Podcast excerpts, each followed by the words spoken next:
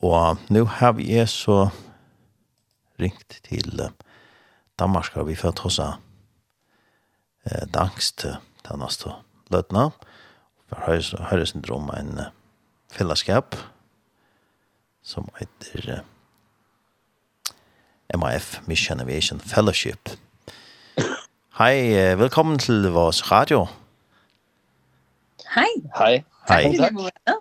Og det er Theis og Rebecca. Ja. Yes. Ja. Kan I lige præsentere jer, før vi snakker lidt mere? Ja.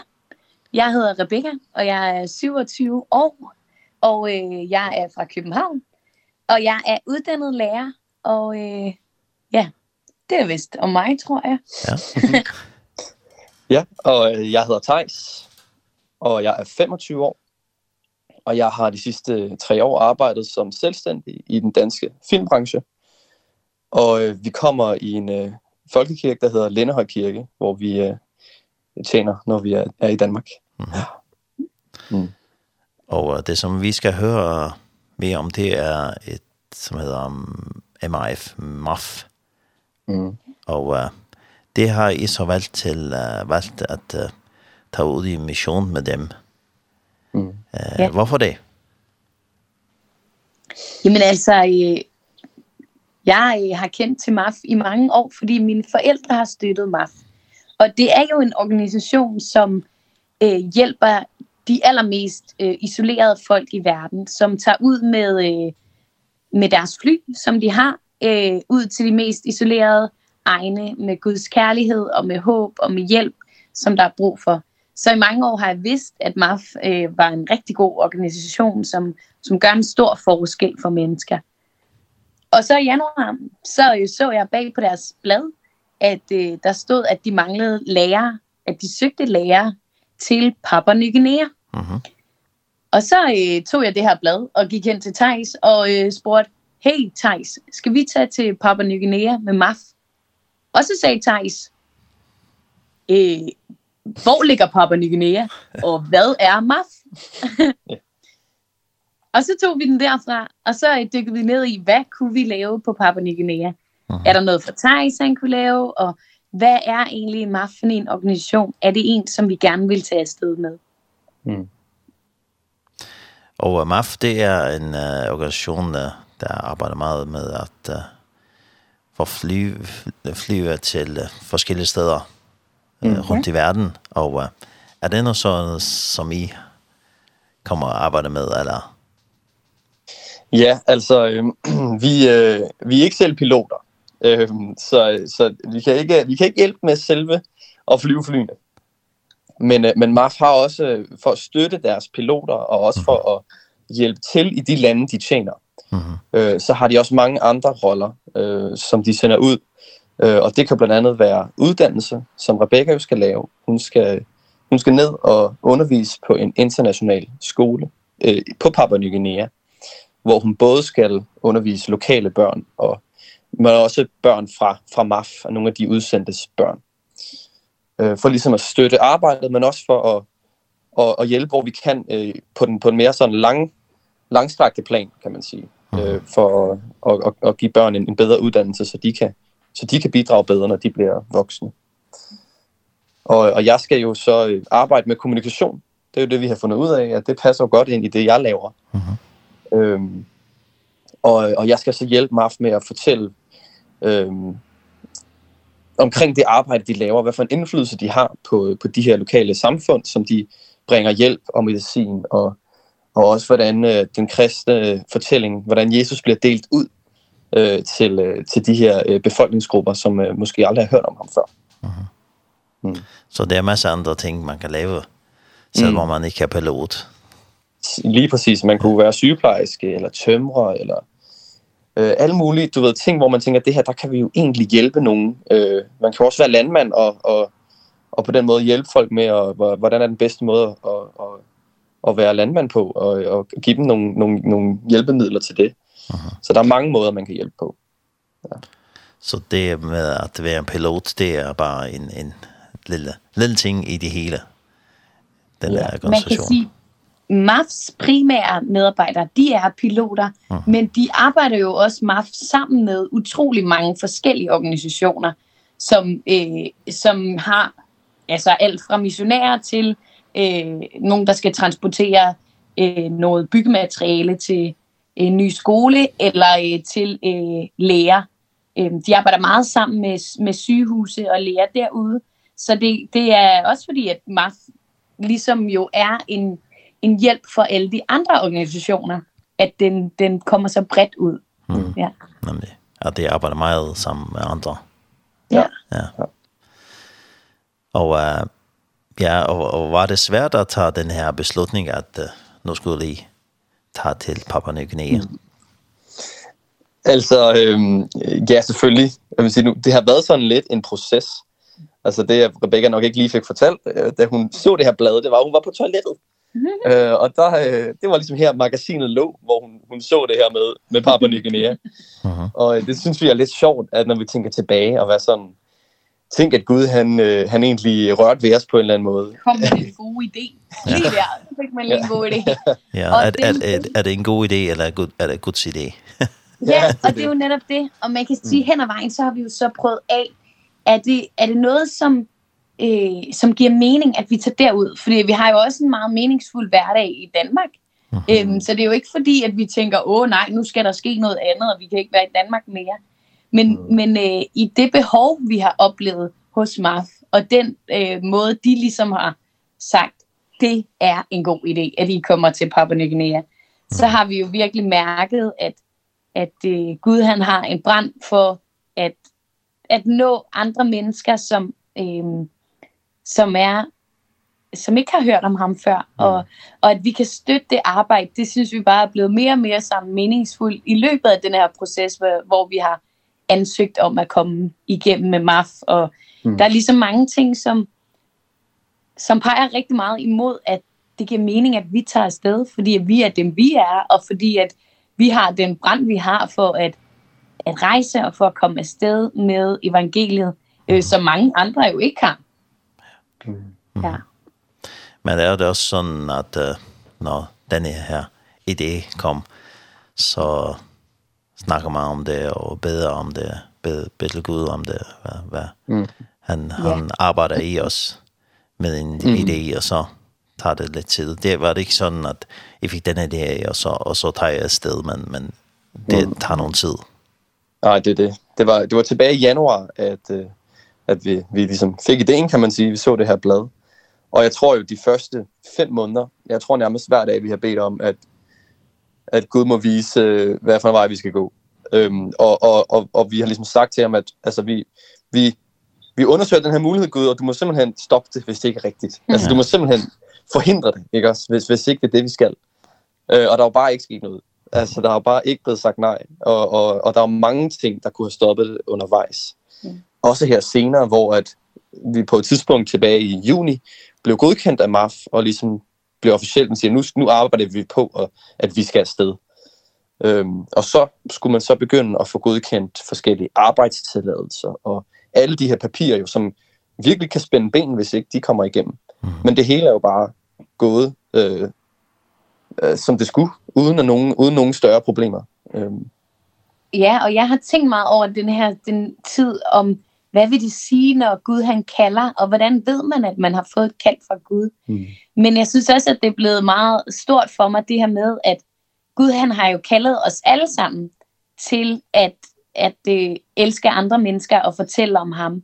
Og det kan vi jo gøre på Papua Ny Guinea, men det kan vi også gøre i Danmark. Mm. Så der har også været en ro i, at uanset om vi skal afsted til Papua Ny Guinea, eller om vi skal blive i Danmark, så kan vi gøre det, som Gud han har kaldet os som kristne til. Øh, og det synes jeg, det synes jeg er, er blevet stort, og øh, mm. er jeg glad for det der med, jamen hvis vi er på Papua Ny Guinea i to år, og så kommer hjem, og så gør det samme i Danmark, så er det lige så meningsfuldt. Ja. Fordi jeg ved, han vil bruge os, uanset hvor vi er. Ja. Jamen det. Så det er en, en, en spændende proces at gøre mm. det. Ja. Ja. Meget. Ja, virkelig. Og vi har lært virkelig meget omkring ja, det her med at stole på Gud, altså. Mm -hmm. Og at være i fred med, at, at Gud han kan virkelig bruge os. Mm. Øhm, nærmest uanset hvor vi ender. Altså, det er jo, yeah. og, det tror jeg er sandt for alle mennesker. Øhm, at der er ikke nogen steder, som, som Gud tænker, der er det bedre for en at være. Altså, det, det handler jo virkelig om ens indstilling, og hvordan vi ønsker at, at fortælle andre om Gud. Altså, det, det, det tror jeg ikke, det, det tror jeg ikke, det handler om, hvor vi er fysisk. Mm. Ja. Men jeg tror alligevel, at Gud han kan lære os noget sådan rent personligt, når vi tager derud, som vi ikke havde troet, at vi skulle lære. Mm. Fordi at vi er så meget på udebane og har så meget brug for Gud. Ja. ja. Men det, jeg har også lært meget om jer selv og, og også om, det, om Gud. Hvordan ja. man kan stole på Gud. Specielt om også tålmodighed og hans timing. Fordi jeg, jeg, generelt så vil jeg gerne altid kunne planlægge alting og vide, så skal jeg gøre det, og så gør jeg det, og om et halvt år, så er jeg der. Men der har været så mange ting i den her proces, hvor vi simpelthen bare ikke har, har vidst lige, hvordan bliver timingen i det. Og vi har sagt til vores venner de sidste 3-4 måneder, vi skal snart afsted. Og 4 måneder, det er ret lang tid at sige snart. men men øh, nu er det nu, vi skal afsted. Og ja. det er bare en perfekt timing, som Gud han har styr på. ja. Hvornår er det, I skal rejse? Om øh, 9 dage. Om 9 dage. Simpelthen. Ja. Søn, søndag den 27. Ja. ja. Og tiden, den går hurtigt. Den går hurtigt. Ja. Der, det er ikke fordi, vi sidder og triller tommelfingre. Det, man kan godt mærke, at der, der er nogle ting, der skal fikses, og kufferter, der skal pakkes. Og, ja. Så der er masser at se til. Ja. Og er der sommerfugle i maven? Ja, det er der. Det er ja. der virkelig ja. meget. De er begyndt at komme. De ja. sidste par dage, der har jeg talt de flyvemaskiner, som er fløjet over, når jeg har cyklet hvor mange det er blevet til. Og hver gang jeg har kigget på de flyvemaskiner, jeg tænkt, åh, det er snart os. Ja. ja. Mm. Og, uh, men uh, har I været der nogle gange? Har I været i Papua New Guinea? Vi har ikke selv været der, nej. Vi, vi har noget familie, du kan fortælle lidt ja. om. Ja. Min far, han har boet på Papua Nigeria i uh, fire måneder, da han var helt ung knægt. Og øh, mine bedsteforældre har også været der og besøgt nogle venner som øh, de har øh, kendt langt tilbage, øh, som har boet på Papua Ny Guinea i 50 år. Sode hedder de Jakob og Sofia. Ehm ja, så de har besøgt det her missionærpar derude, som vi har fulgt med øh, i altid øh, mm. i vores familie. Aha. Mm. Så på den måde kender vi lidt til det, men vi har aldrig været der selv. Men jeg har nok uh, læst uh, lidt om det, og om den mission og, og, og det hele. Mm. Ja. Det har vi. Ja. ja, der er meget, man kan gøre for sådan at øh, prøve at se, om man kan sætte sig ind i, hvad er det egentlig, vi går ind til? Uh -huh. Hvad er det for et sted, og hvad skal vi forberede os på? Men de fleste, som jo har taget dig ud, eller som generelt er i mission, siger jo også, at man bare må tage det, som det kommer, fordi der er næsten aldrig noget, der bliver, som man troede, det blev. mm. Ja, men det. Eh, jeg tror vi skal uh, lytte til litt musik før vi snakker litt mer. Mm. Og, uh, I har nogle sangønske. Ja. Eh, hvad skal det være? Det første sang, som skal lytte til. Jamen, øh, vi kan godt starte med øh, en sang, som er med kongens efterfølger. Benjamin og Natalie, vores gode venner, de har øh, skrevet nogle børnesange. Og øh, vi har fået lov til at være med til at lave noget musikvideo til nogle af de børnesange. Mm -hmm. Og øh, der er en sang, der hedder Fri, som simpelthen øh, udtrykker meget godt, hvor godt det er bare at vide, at Gud han har sat os fri, øh, og hvor meget glæde mm. det giver. Jeg synes, at sangen den udstråler utrolig meget glæde. Mm. Øh, og det er jo egentlig en børnesang, men... Øh, men det betyder meget for os, yeah. det her med, altså vi, vi, laver, vi har lavet meget børnearbejde yeah. øh, i, i de sidste mange år, og det, det er en stor del af vores liv, så vi synes, det gav god mening, og, øh, og jeg spiller, spiller også en, børne, en børnelovsang. Øh. Det synes vi kan noget af den her lidt mere simple tekst måske, øh, men som jeg bare fortæller lige præcis, hvordan er det at være med Gud, altså. Ja. Nej, men, ja, vi skal lytte til den, så, så snakker vi lidt mere. Ja, tak. Så det.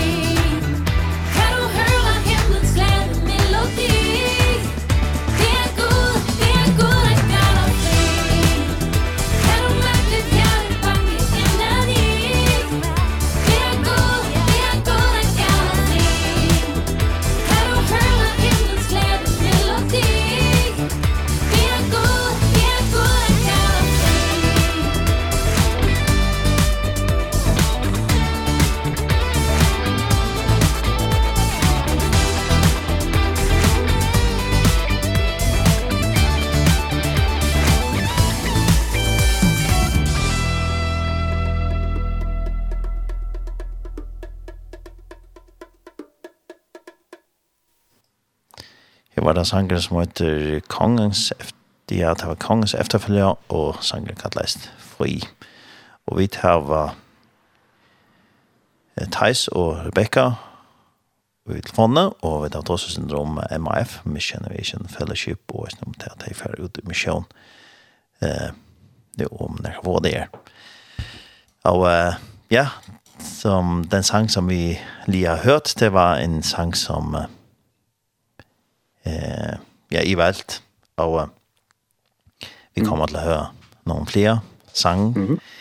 eh, yeah. Men det her med at uh, tage ud i missionen eh, har I ellers haft noget forbindelse til missionen før i tiden, eller sådan noget? Ja, Ja. Ja, det har vi. Øhm, jeg har været med en organisation, som hedder Promisio øh, i Etiopien, da jeg bare havde nogle sabbatsår efter gymnasiet. Og øh, ja, der boede jeg i tre måneder og fik lov til at opleve, øh, hvordan det er at være øh, en missionærfamilie, fordi jeg boede hos en dansk øh, missionærfamilie der.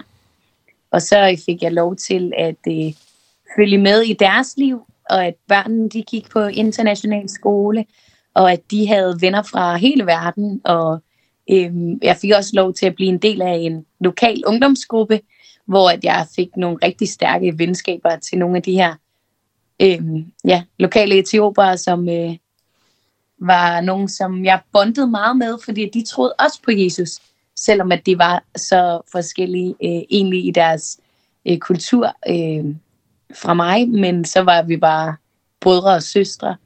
Så det har jeg oplevet sådan på en rigtig rigtig fed måde, øh, hvordan man når man får lov at tage ud i verden, kan den bånd og få fællesskaber med andre mm. kristne, som er, som er helt anderledes i deres sådan, hvor de kommer fra, og det sprog, de taler, men alligevel meget, meget ens med en, fordi mm. at de jo bare har det allervigtigste øh, til fælles med os. Mm. Ja.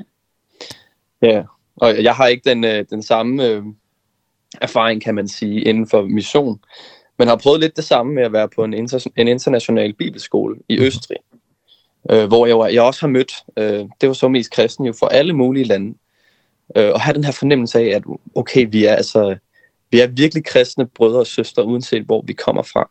Mm. Øhm, og, og ja, det var bare en, en, en fornøjelse at opleve, og jeg tror, det, det er noget af det, jeg glæder mig til, at vide, at, at vi skal jo, nu skal vi jo ned og arbejde med, øh, med MAF, hvor vi, hvor vi ved, at der kommer til at være mange kristne fra mange forskellige lande, og, og føle den her øh, familie, vi har med Jesus. Øh, det, det glæder jeg mig til. Øh, ja. Så det er at øh, møde andre kulturer, mm. øh, det, det gør noget ved en, at man, det er ikke bare en måde at gøre det tingene på. Nej, det er virkelig rigtigt, det mm. der med, at man, man kan være kristen på mange måder. Mm Og det synes jeg også, at det er helt vildt smukke ved øh, Jesus og ved kristendommen, at han er ikke bare for, for nogen, som kommer fra Vesten, eller nogen, som kommer fra Mellemøsten, øh, selvom det startede der, så er det for, for alle kulturer, til alle dage, Øhm, og Jesus han er bare meget større end at skulle passe ind i en eller anden kultur. Han kan godt gå på tværs, og, øh, og så er det bare vildt spændende at lære om andre kristne. Altså, og man kan virkelig blive inspireret, specielt i forhold til øh, andre kristne, som måske ikke har lige så meget sådan rent materielt, som vi har. Hvordan de bare er afhængige af Gud, men alligevel bare mega stærke i lovprisning og i, i bøn, og sådan virkelig, øh, ja, jeg er meget jeg jeg føler virkelig jeg er blevet inspireret til det her med at sætte Gud først øh, i alle ting, øh, når at men oplever, at det, som vi har, som alle nødvendigheder, vi har i Danmark, det, det lige pludselig ikke er der. Mm. Jamen, så kan man mærke Gud på en anden måde. Nemlig. Ja. Mm. Um, kan I fortælle lidt om uh, jer selve, uh, hvordan er I kommet til at kende Gud og mm. sådan noget? Ja. Skal jeg starte? Ja. Um, jeg er vokset op i en... Uh, i en kristen familie. Ehm kunne ikke var ikke helt vildt glad for øh, for at gå i kirke, da jeg, da jeg var barn. Ehm men øh, men har været heldig og, og glad for at jeg har været på forskellige lejre. Øh, kristne lejre og gået på en kristen efterskole. Ehm og øh, og har ligesom øh, ja, jeg tror første gang at jeg jeg, jeg virkelig tænkte, wow, det der med Gud, det giver mening.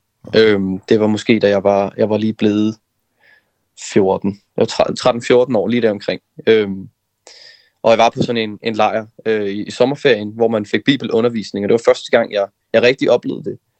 Og, og faktisk tænkte, hold da op, der er jo noget i Bibelen, som giver mening. Jeg kan faktisk, man kan godt forklare nogle af tingene, at de hænger sammen, og, og så videre. Øhm, så det var en stor oplevelse. Øh, og så øh, specielt også, øh, øh, da jeg så var på, i Østrig på den her bibelskole, der, der, der gjorde Gud ikke bare, altså det var ikke bare, jeg lærte om Gud i undervisningen, men, men jeg lærte også om Gud i mit liv, og han gjorde mange ting i mit liv, øhm, som har ændret mit liv fuldstændig, og, og har helbredt mange ting, nogle ting, jeg havde gjort før, og nogle ting, som, øh, som, øh, som ikke var gode, og som Gud han tilgav og, øh, og helbredte, og, og sagde, nu starter vi forfra, og, øh, og det gjorde vi, og det var bare helt fantastisk. Mm faktisk, ja. Mm. ja. Vil du også nu? Ja. Ja. Jamen, øh, jeg er også opvokset i en øh, kristen familie, og øh, troen har altid fyldt meget hjemme hos os, øh, og også i forbindelse med, at øh, det har altid været meget vigtigt, det der med at give troen videre.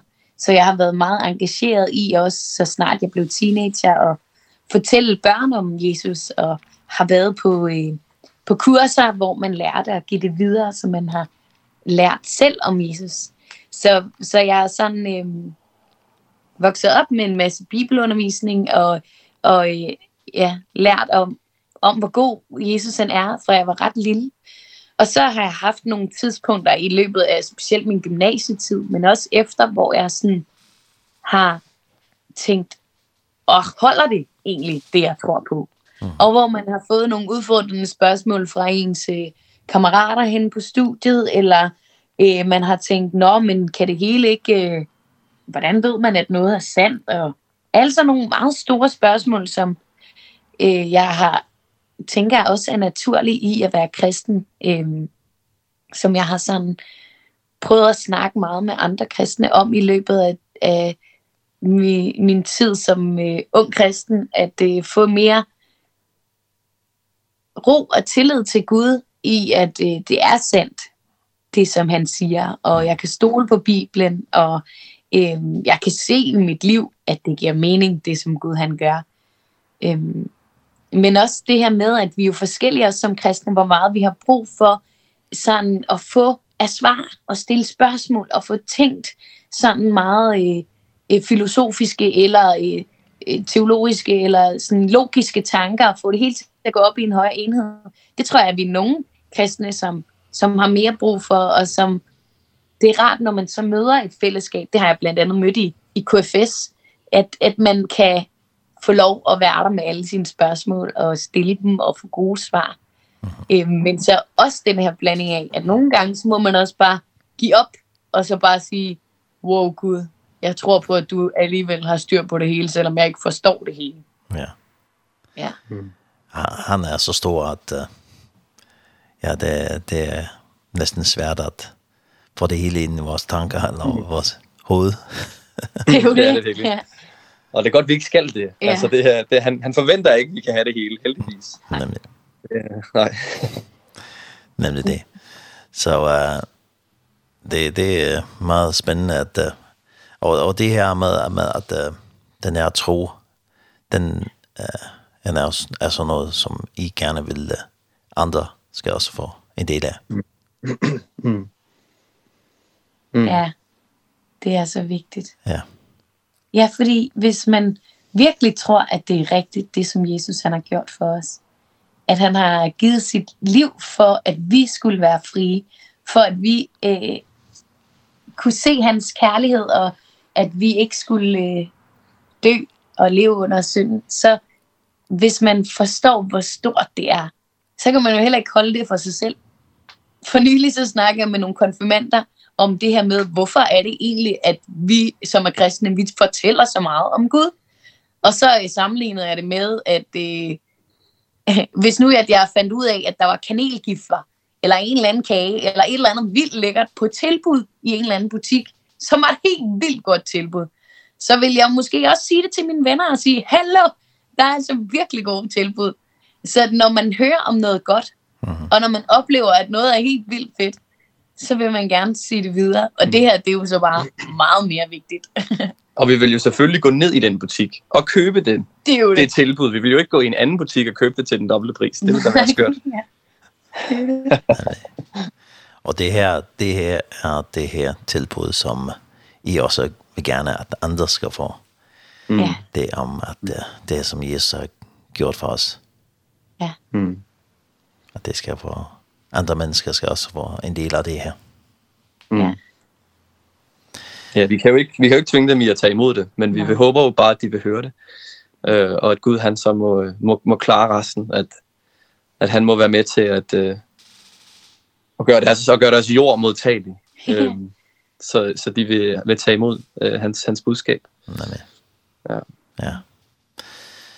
Ehm, um, nu så er jeg så snart jag ska resa till Papua Nya Guinea över med med MAF over. Har I så snack med meget med dem i, i ledelsen Peter Hedlund og de andre mm. om om at I skulle rejse ud eller mm. Det har været det har været helt fra start. Det var Peter vi ringede til. Øh dagen efter at Rebecca hun fandt det her magasin på toilettet, så øh, så ringede vi til Peter øh, dagen efter og spurgte om, og sagde til ham, at jamen, vi var der interesserede. Mm. Øhm, men hvad handler det egentlig om? Men hvad, hvad handler det om, ja, og, og hvad kan vi lave? Og, øhm, og så har det faktisk været, at altså, vi har følt os meget trygge, øh, og følt os øh, rigtig godt, øh, hvad kan man sige, sådan, øh, have god støtte i ryggen øh, af, af blandt andet Peter og resten af, af MAF Danmark. Mm. De har virkelig øh, hjulpet med kommunikationen med, med, den, med, den, med den, den internationale organisation i England, Øhm, og hjulpet os godt videre med, øh, hvad, hvad er det, vi skal, og hvad skal der være styr på øhm, mm. til de her ting. Og, og så har de bare vist den samme lyst for, at vi skulle afsted, som vi havde. Og det var bare rart at vide, at de vil også gerne have os sted, og det er jo, det er jo så er der et fælles mål, vi går efter. Ja. ja. Og så når man skal rejse så langt, hvad skal man have med, og ja, sådan noget ting. Man skal mm. også, man skal have vi har måske fire store kufferter med hver, men endnu ja, vigtigere, nej, i alt hedder det. og, øh, men endnu vigtigere er at have alle de der papirer på plads. Ja. Det har taget noget tid. ja, og der er vi rigtig glade for, at både MAF i England og i Australien, og Papua Ny Guinea, men også MAF Danmark, har, har kunne hjælpe os derfor det ville vi aldrig kunne have fundet ud af i selv. ja. Och var långt eh var länge här så tänkte at att uh, vi är i Papua Nya Guinea. Ja, vi starter med to år. Ehm med med mulighed for forlængelse. Ehm i og, gennemsnit ja. er øh, folk udsendt har vi fået at vide af Mars i 8 år. Ja.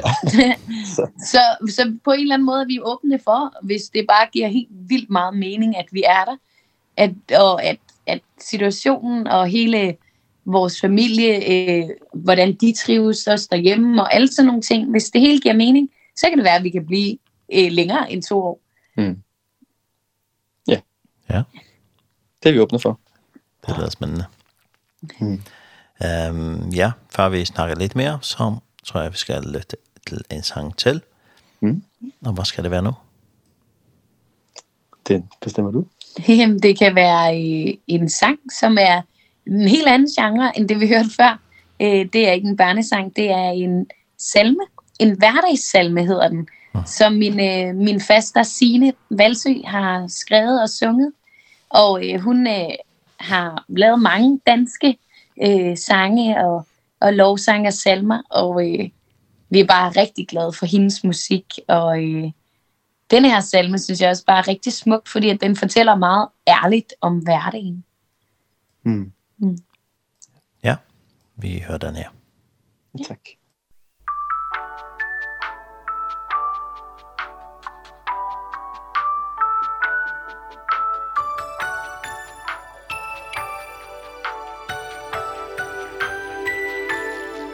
Når dagen gryer, står livet op Af nattens dybe drømme Jeg mærker verden mod min krop tidets varme strømme Nu vågner tusind arbejdsfolk De arbejdsløse venter Men alle får de øjne Både børn og præsidenter.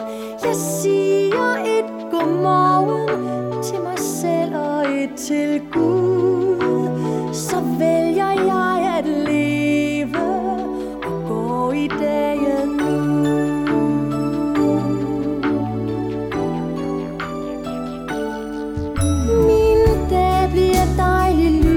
varm af solen i min stue. Her fra min lave vindueskram er himlen høj at skue.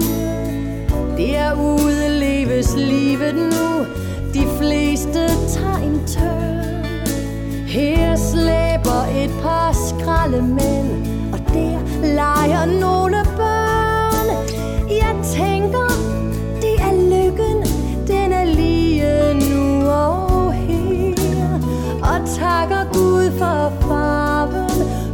vores grønne træ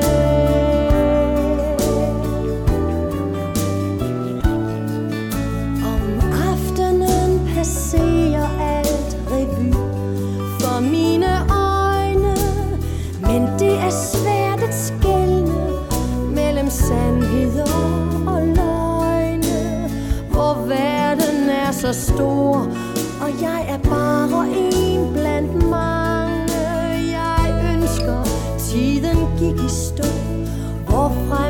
gør mig bange De taler om problemer, statistikker og prognoser Gud, har du stadig overblik? Kan du forstå de gloser?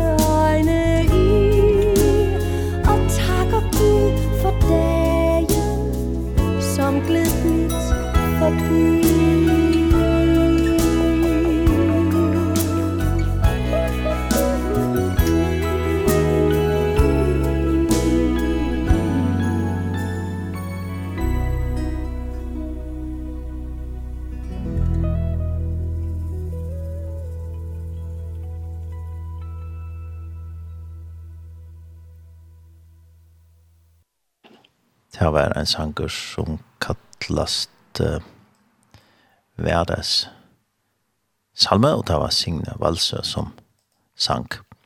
Og vi tar var eh, Theis og Rebecca eh, Jespersen og Tvonne, og vi tar var oss en at jeg var ute i misjon vi MAF, Mission Aviation Fellowship. og det kjenner vi det vel her i Førjon, fellesskaperen, at det er et børskontor her i Førjon. Her det er av er i Skanshusen, og det er av bas her i her det er en greie fra om det som det arbeider vi.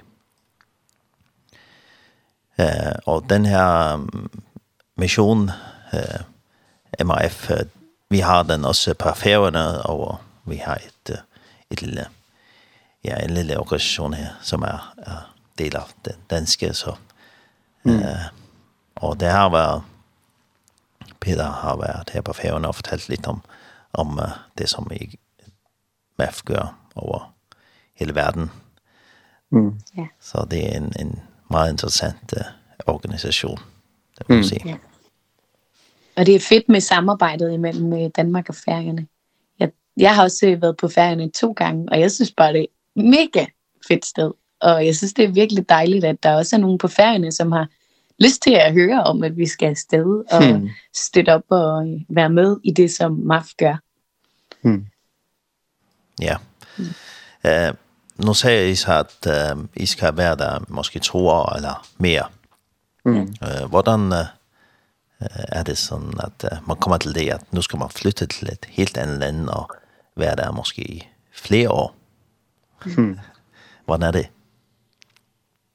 Vad är det? Eh Ja, altså, det er jo, man kan man sige, mens vi er her i Danmark lidt endnu, så er det jo, så er det jo mest bare spændende, synes vi. Øh, og, øh, og selvfølgelig også øh, lidt, lidt skræmmende måske. Øh, uh -huh. vi, vi ved jo ikke helt, hvordan det er endnu. Vi, vi ved jo ikke, hvordan der er dernede. Øh, men, øh, men det det det er jo det er mærkeligt at at at liksom pakke pakke sig ned. Altså vi har jo vi har jo flyttet ud af vores lejlighed og og liksom øh, lagt vores øh, det kunne nærmest sige at lægge vores liv op på loftet. Ehm og så liksom have det allermest nødvendige. Og og, og det det gør jo flere ting i en. Altså jeg tror et man opdager hvor mange ting man havde som egentlig ikke er nødvendige. ja. Ehm Og, og to også, øh, ja, hvor, hvor det er bare det her med at, at ligesom, det er jo ikke fordi, vi siger farvel til Danmark, vi kommer jo tilbage igen, men, men, øh, men den her følelse af, at, at nu flytter vi et sted hen, hvor vi skal være længe. Mm. Og, øh, og for os er det jo faktisk det mest permanente flyt, vi har lavet indtil videre. Ja. Yeah. Vi har, vi har simpelthen aldrig boet det samme sted mere end, end, end 11 måneder nærmest. Øhm, ja, mens vi har været gift. Mens vi har, mens vi har været gift, eller mens vi har været voksne, altså flyttet hjem, flyttet, ikke boet hos vores forældre. Mm. Øhm, så, så, så det her med at skulle flytte et sted hen, bare mere end, end et år, det er jo nærmest vildt allerede. Øh, og så er det jo så på den anden side af jorden.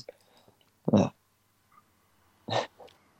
ja, det er, som du siger, lidt skræmmende måske at tænke. Ja, det kan det være.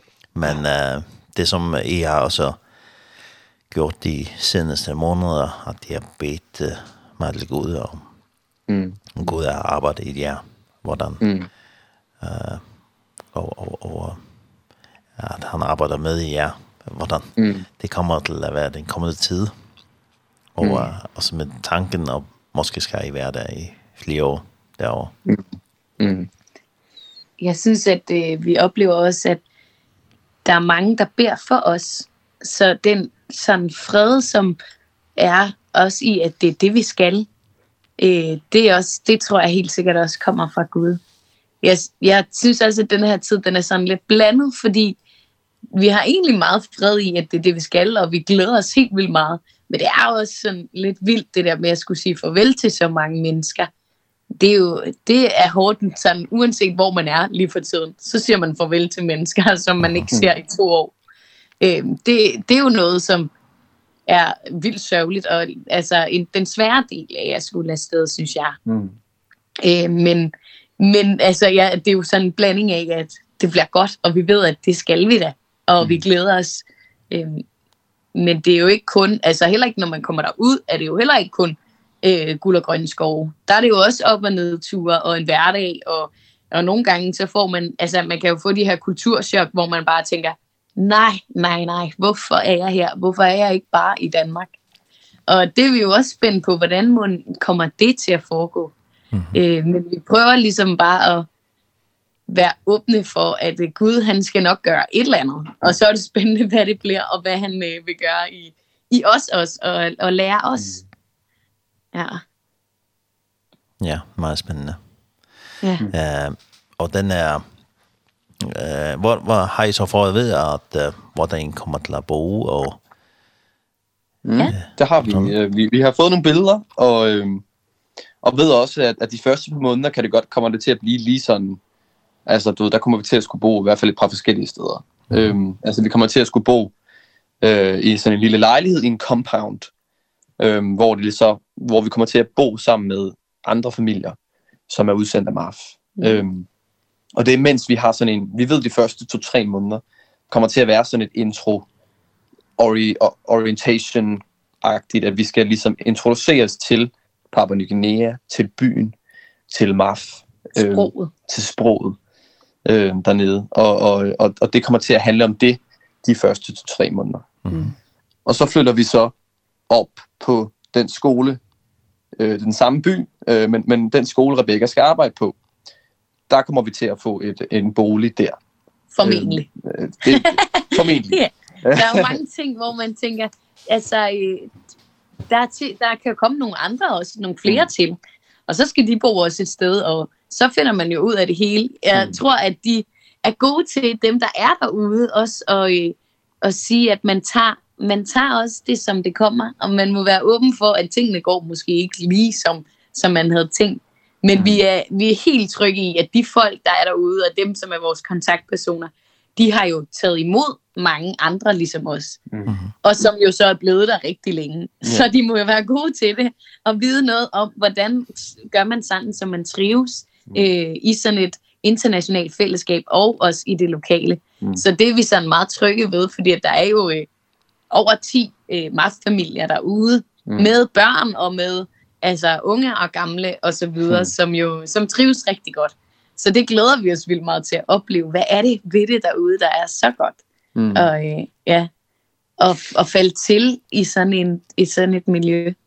Og de øh, lokale har jo sagt til os, altså dem der bor dernede, det er så ikke de lokale, men dem som vi kender, som vi har været i kontakt med, har jo fortalt os, at, øh, at øh, Mission Aviation Fellowship, MAF, det står faktisk ikke for det. Det står for Mission Adjust Frequently Altså, at vi må hellere øh, tilpasse os, tilpasse os meget ofte. og, øh, og det må vi jo tage til os og, og glæde os øh, over, at, øh, at det lever de godt i, og det tror jeg også, det kan noget. Ja. Det var anderledes end her i Danmark, hvor man planlægger det hele nærmest. Ja. Øh, så det skal vi jo bare vende os til, og, og, og måske også indse, at der er nogle virkelig gode ting i det også. Mm. Ja. ja. Så I skal omstilles øh, mm. helt vildt meget. ja, det tror jeg. Men uh, när man tar sån som her uh, ut til et annat land så kostar det också pengar at hvordan får I det til att uh, hänga sammen? Mm. Det ekonomiska. Ja, men øh, det er det er rigtigt. Øh, det koster øh, specielt rejse og forsikring og sådan nogle ting. Øh, og bo dernede koster også noget. Ehm Og, og sådan som vi gør det, det er jo i samarbejde med, med MAF, med, med, med MAF Danmark, øh, med, med Peter og Svend fra kontoret og så videre, at, at øh, vi har lavet en, en indsamling, øh, som, som ligesom øh, går til vores, til vores arbejde dernede, og vores, og, og, og vores øh, udgifter. Mm -hmm. øh, hvor vi så har, har været rundt og snakket med kirker og familie og venner, øh, holde foredrag og fortælle om, om det, vi skal ud og lave.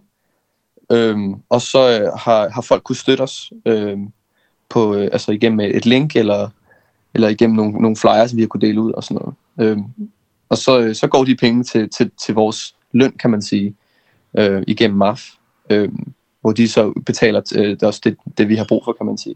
Ja.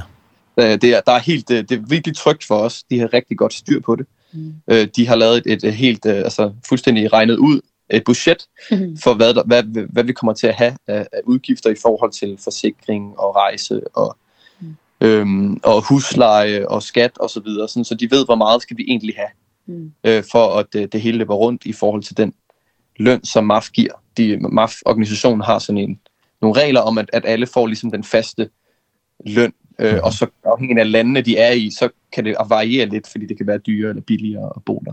Mm. Så det, der er rigtig godt styr på det. Øhm. Det er jo også fordi, at, at MAF er sådan en stor organisation, mm. som er så international og som er, har mange år på banen. Det betyder også bare, at der er styr på nogle ting mm. i forhold til, hvordan ordner vi det her. Øhm, der er jo, det er jo så mange lande og så mange ansatte. Mm. Øhm, så, så det føler vi os meget trygge i, selvom at vi jo ved, at der er mange udforudsete ting, så ved vi bare, at den her organisation de, de har gjort det mange gange ja. i mange år. Så ja. det var mega. Ja. Fordi når, når man tør ud, og man siger sit arbejde op, det trykket, mm. det som man har i Danmark, mm. og nu skal man ud, at man skal også leve derude. Det skal man, ja. Der skal penge til. Det skal der. Der skal penge til det hele. Det er til alt. Ja. Inte, det inte, det, inte där gratis. Nej, sådan er samfundet bygget op. Også i Papua Ny Guinea. Ja. Øhm, og det er jo også det. Øhm. Det er bare en kæmpe gave, og det er vildt at opleve det her med, at det så er helt frivillige gaver, som vi kommer til at leve af. Mm. Altså det har jeg ikke, det har vi jo ikke prøvet før i vores arbejde, at, at vi lever simpelthen på det, den gavmildhed, som andre mennesker viser os. Øh, og det er jo det, som MAF generelt i hele, altså i Danmark, men også i hele verden jo, øh, lever på, at der er mennesker, som synes, at det her, det er vigtigt. Det er vigtigt, at mennesker i isolerede dele af verden får budskabet om Jesus og får hjælp og, øh, og lærer hans kærlighed at kende. Mm. Og det er det, som bærer det hele, at mennesker de siger, det vil jeg gerne være med til at støtte. Mm. Og også, at de så ser meningen med, at vi tager derud og tænker, det er simpelthen godt, at Rebecca hun skal være lærer på den der internationale skole, fordi uddannelse er vigtigt. Og det er fedt, at Thijs han vil være med til at fortælle historierne, fordi ellers så kan vi køre dem. Mm. Og, og, og det er stort at opleve, at folk er sådan, ja, det vil vi gerne støtte. Mm. Ja. Så andre kan stå sammen med jer i den her mission. Ja, ja. Mm. det er det. Ja. Det er så meget vigtigt. Ja. Også at uh, bede, bede for jer. Mm. Meget. Det er jo virkelig. Det er jo noget af det, vi har været ude i kirker og fortælle, og har ønsket at, uh, at kirkerne ved, hvad vi egentlig laver. De kirker i vores, i vores, altså i, i vores lokalområder og, og Københavnsområdet specielt. Øhm, at vi ønsker, at, at, de, at der ligesom er et større netværk af kristne, som ved, hvad vi, hvad vi går igennem. Ja. Og kan og, bede for det. Og kan bede for det. Og, ja. og, og vi også har mulighed for at fortælle dem, hvad der sker. Øhm, altså vi, vi har lavet sådan nogle, nogle, en gruppe, vi kalder det sådan en omsorgsgruppe, som, som kommer til at have, som har folk fra de forskellige kirker, vi har været rundt i, øhm, som jo ved, at vi skal afsted, og, og hvad vi skal lave. Og der kan vi sende beskeder hjem, og så får de alle sammen, alle de her kirker får det jo så at vide, hvad det er, hvad er det, vi går igennem, og hvad er det, der sker lige nu. Mm. Det kan være, der er noget konkret, der skal bes for. Mm. Øhm, det kan være, der er et konkret projekt, som der er brug for lidt flere penge til, for eksempel. Hvis nu, at øh, man har, der har været en eller andet øh, voldsomt regnskyld, og der den lokale skole øh, ene bygning er gået i stykker eller sådan noget, så kan det være, at man kan sige, vi har brug for lidt ekstra penge for at få repareret mm. øh, den her skole. Eller, det kan være forskellige ting. Ja. ja. Så det er en opfordring uh, til dem, som lytter her på, på færgerne, ja. eller måske andre steder, at uh, bede for jer. Meget ja. gerne, meget gerne. Ja. Det vil være en, en kæmpe gave. Ja, og man er også meget velkommen til at følge med jo. Fordi når man beder, kan det også være rart at få de der opdateringer. Hvad er det egentlig, vi beder for? Mm, så ind på MAFs hjemmeside kan man jo læse artikler og nyheder om os eller man kan også på maf.dk øh, skrive sig op til at få nyhedsbreve, hvor man også hører mere om, hvad vi mm. laver. Nemlig. Mm. Og der er sådan en Facebook-side også. Ja. Hvor man kan ja, på både måde maf har en Facebook-side, og ja. så har vi jo faktisk også lavet en gruppe. Øhm, og det ved jeg ikke. Altså det, Men, hvis folk er vildt, så kan det være, at vi kan dele den med dig, Thor, så kan du måske dele den. Øh, ja.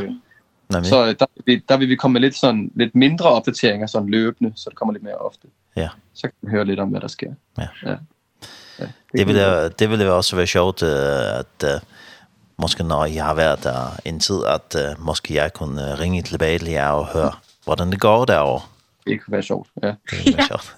Ja. ja. Meget spændende, hvordan øh, forbindelsen så er.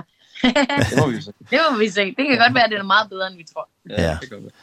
Jeg har snakket en gang med en, en dansker, som var pilot derovre, Okay. Ja. ja. Og det det er noen tid siden att det var og det var meget sjovt at høre. Ja. Ja. Var, var, det, det lyder spændende. Ja, og det gik fint. Det det var også ja. der i Papua Ny Guinea dengang. Ja. Et. Ja. Så netforbindelsen. Man, man skal, kan finde et sted, hvor, hvor, hvor der er forbindelse Nej, det, Nå, kan jeg godt. det finder vi ud af, når de kommer derover. det er det. jeg tror, det kan være hurtigt nok, men det er lidt mere, øh, om det lige pludselig forsvinder. Det ja, kan ja, være. nemlig. nemlig det. Mm. Ja, men det lyder meget spændende, at uh, mm -hmm. hvad Gud gør i jeres liv, og hvad, hvad der kommer der ske i den kommende tid. Det må man ja. sige. Ja, det er virkelig spændende. Så uh, har I ellers uh, noget andet, som I brænder på at det vil jeg gerne få ud til vores lytter. Mm. Eller har vi været rundt om det hele. Vi har været vidt omkring. Jeg synes, ja. vi har været godt omkring. Ja. Jeg synes noget af det, det som jo også bare er en kæmpe tryghed, det er, at Gud, han, han har jo givet os nogle løfter i Bibelen, som vi bare må stole på, uanset hvor vi er. Når han siger, gå ud i al verden og gør alle folkeslag til mine disciple, og jeg er med jer alle dage ind til verdens ende. Mm så ved vi bare, at om vi er på færøerne, eller i Danmark, eller øh, i, i luften, eller til vands, eller til lands, så er Gud bare med øh, alle dage. Og det synes jeg bare øh, også, at jeg vil give lytterne med i dag. mm, jamen. Mm. Ja, han har lovet, lovet, at han skal være med. Og det, ja. det er godt løft herfra. Ja, og han holder, hvad han lover. Ja, han er trofast. Ja. Så han ska nog vara med, ja. Ja. Ja, men så vill jag säga tusen tack för att jag kunde ringa till er och höra lite om mm. det som Gud gör. Och, och, tack. At, ja, tack för att vi måtte vara med. Ja, og ja, uh, god morgen til jer, og ha en god tur over. Og den uh, tager lidt tid, at der rejser derover. Det tager nogle timer. Ja. 35 timer. 35 timer. Skal det være, øh, skal I stoppe nogle steder, eller er det? Ja, vi, vi stopper i, øh, ja, altså vi stopper i Katar på vejen, og det er jo simpelthen mens der er VM, så øh, vi, øh, vi er ikke helt politisk øh, korrekte. vi, vi tager til VM i Katar, øh, i, i, i et par timer i hvert fald, og så ja. flyver vi videre til, øh, til Singapore. Og, øh, og så flyver vi så videre til Papua Ny Guinea, først til hovedstaden, og så et lille fly derfra videre op til Mount Hagen, hvor vi skal bo. Okay. Ja. ja. Så det, det, der bliver også et par flyvninger på vejen. Ja. ja. Mm. Men uh, vi skal uh, slutte med en uh, sang også. Mm. Ja. Ja. Den handler også lidt om uh, det her med bønden. Fordi at det, som vi, vi skal huske, det er, at når vi møder modstand, og vi møder ting, som er, er svære, så er vores kamp jo lige så meget i bøn, og øh, det er en åndelig kamp. Mm. At Gud han kæmper for os, og der er ting, der er gang i, som øh, han, han står på vores side og kæmper sammen med os, og at mm. vi sammen i bøn kan kæmpe os. Ja. Øhm, så den hedder Spiritual, øh, og det er en øh, Kirk Franklin-sang. Vi er ret glade for gospel også. Øh, vi er faktisk ret brede i vores musiksmag, ja. som vi kan høre på de sange, vi har valgt i dag. Øh, men øh, jeg er vokset meget op med gospel, og øh, øh, specielt Kirk Franklin. Øh, øh, laver noget gospelmusik, som er anderledes, og som stadig har de der rødder. Og den her sang, den fortæller om, at øh, ja, Gud han har øh, nogle større ting, der foregår, og som øh, vi kan tage del i. Mm. Ja. Den her åndelige, åndelige kamp. Ja. Det er, den er stærk, og, og, og det er en af grundene til, at vi, jo, vi ønsker, at, at folk beder ja. over hele verden, fordi det, det er en åndelig kamp, som foregår Og ja, det er, der tror jeg, at vi bøn, bøn er, er kraftfuldt ja. i den kamp. Ja. Ja. Det er en åndelig kamp, som uh, I går i os, og at, mm. at mennesker skal høre den her gode budskab. Ja. Mm. Altså derovre i Papua Ny Guinea. Helt sikkert. Ja, de mennesker, som måske ikke har hørt det nogen gang. Ja. Mm. Ja, fantastisk. Ja, mm. Jamen, tusind tak uh, for snakken, og må, hej. Ja tak fordi vi ville måtte ja, være med. Tusind tak. Ja. Det var en fornøjelse. Så måske vi snakkes ved om et par måneder, eller et eller andet. Hvem ved? Hvem ved? Hvem ved? Det, det vil være spændende. Det vil være sjovt at høre. Ja. ja. Hvordan, hvordan det gik at komme, komme derover og, og, og det hele. Ja. Ja. Det vil være sjovt. Så vi skal holde jul derover også. Ja, ja det skal vi. Skal vi. Det blev lidt anderledes. Ja. Bestemt, ja. Det bliver første gang, vi skal holde jul i et andet land. Ja. Er det jo, ja, ja. det bliver virkelig spændende. Ja. ja. Er der nogen andre fra Danmark derovre? Ikke nu. Ikke nu. Nej. Man er meget velkommen til ja. både at komme, ja. på, kommer bare. på besøg, eller komme og tjene sammen med os. ja, nemlig. Ja. ja. Ja, vi skal lytte lidt nær sang, så tusind tak, og ja, tak. god velsignelse, og, og ha en god dag. Ja, tak. Tak. Hei. Hei.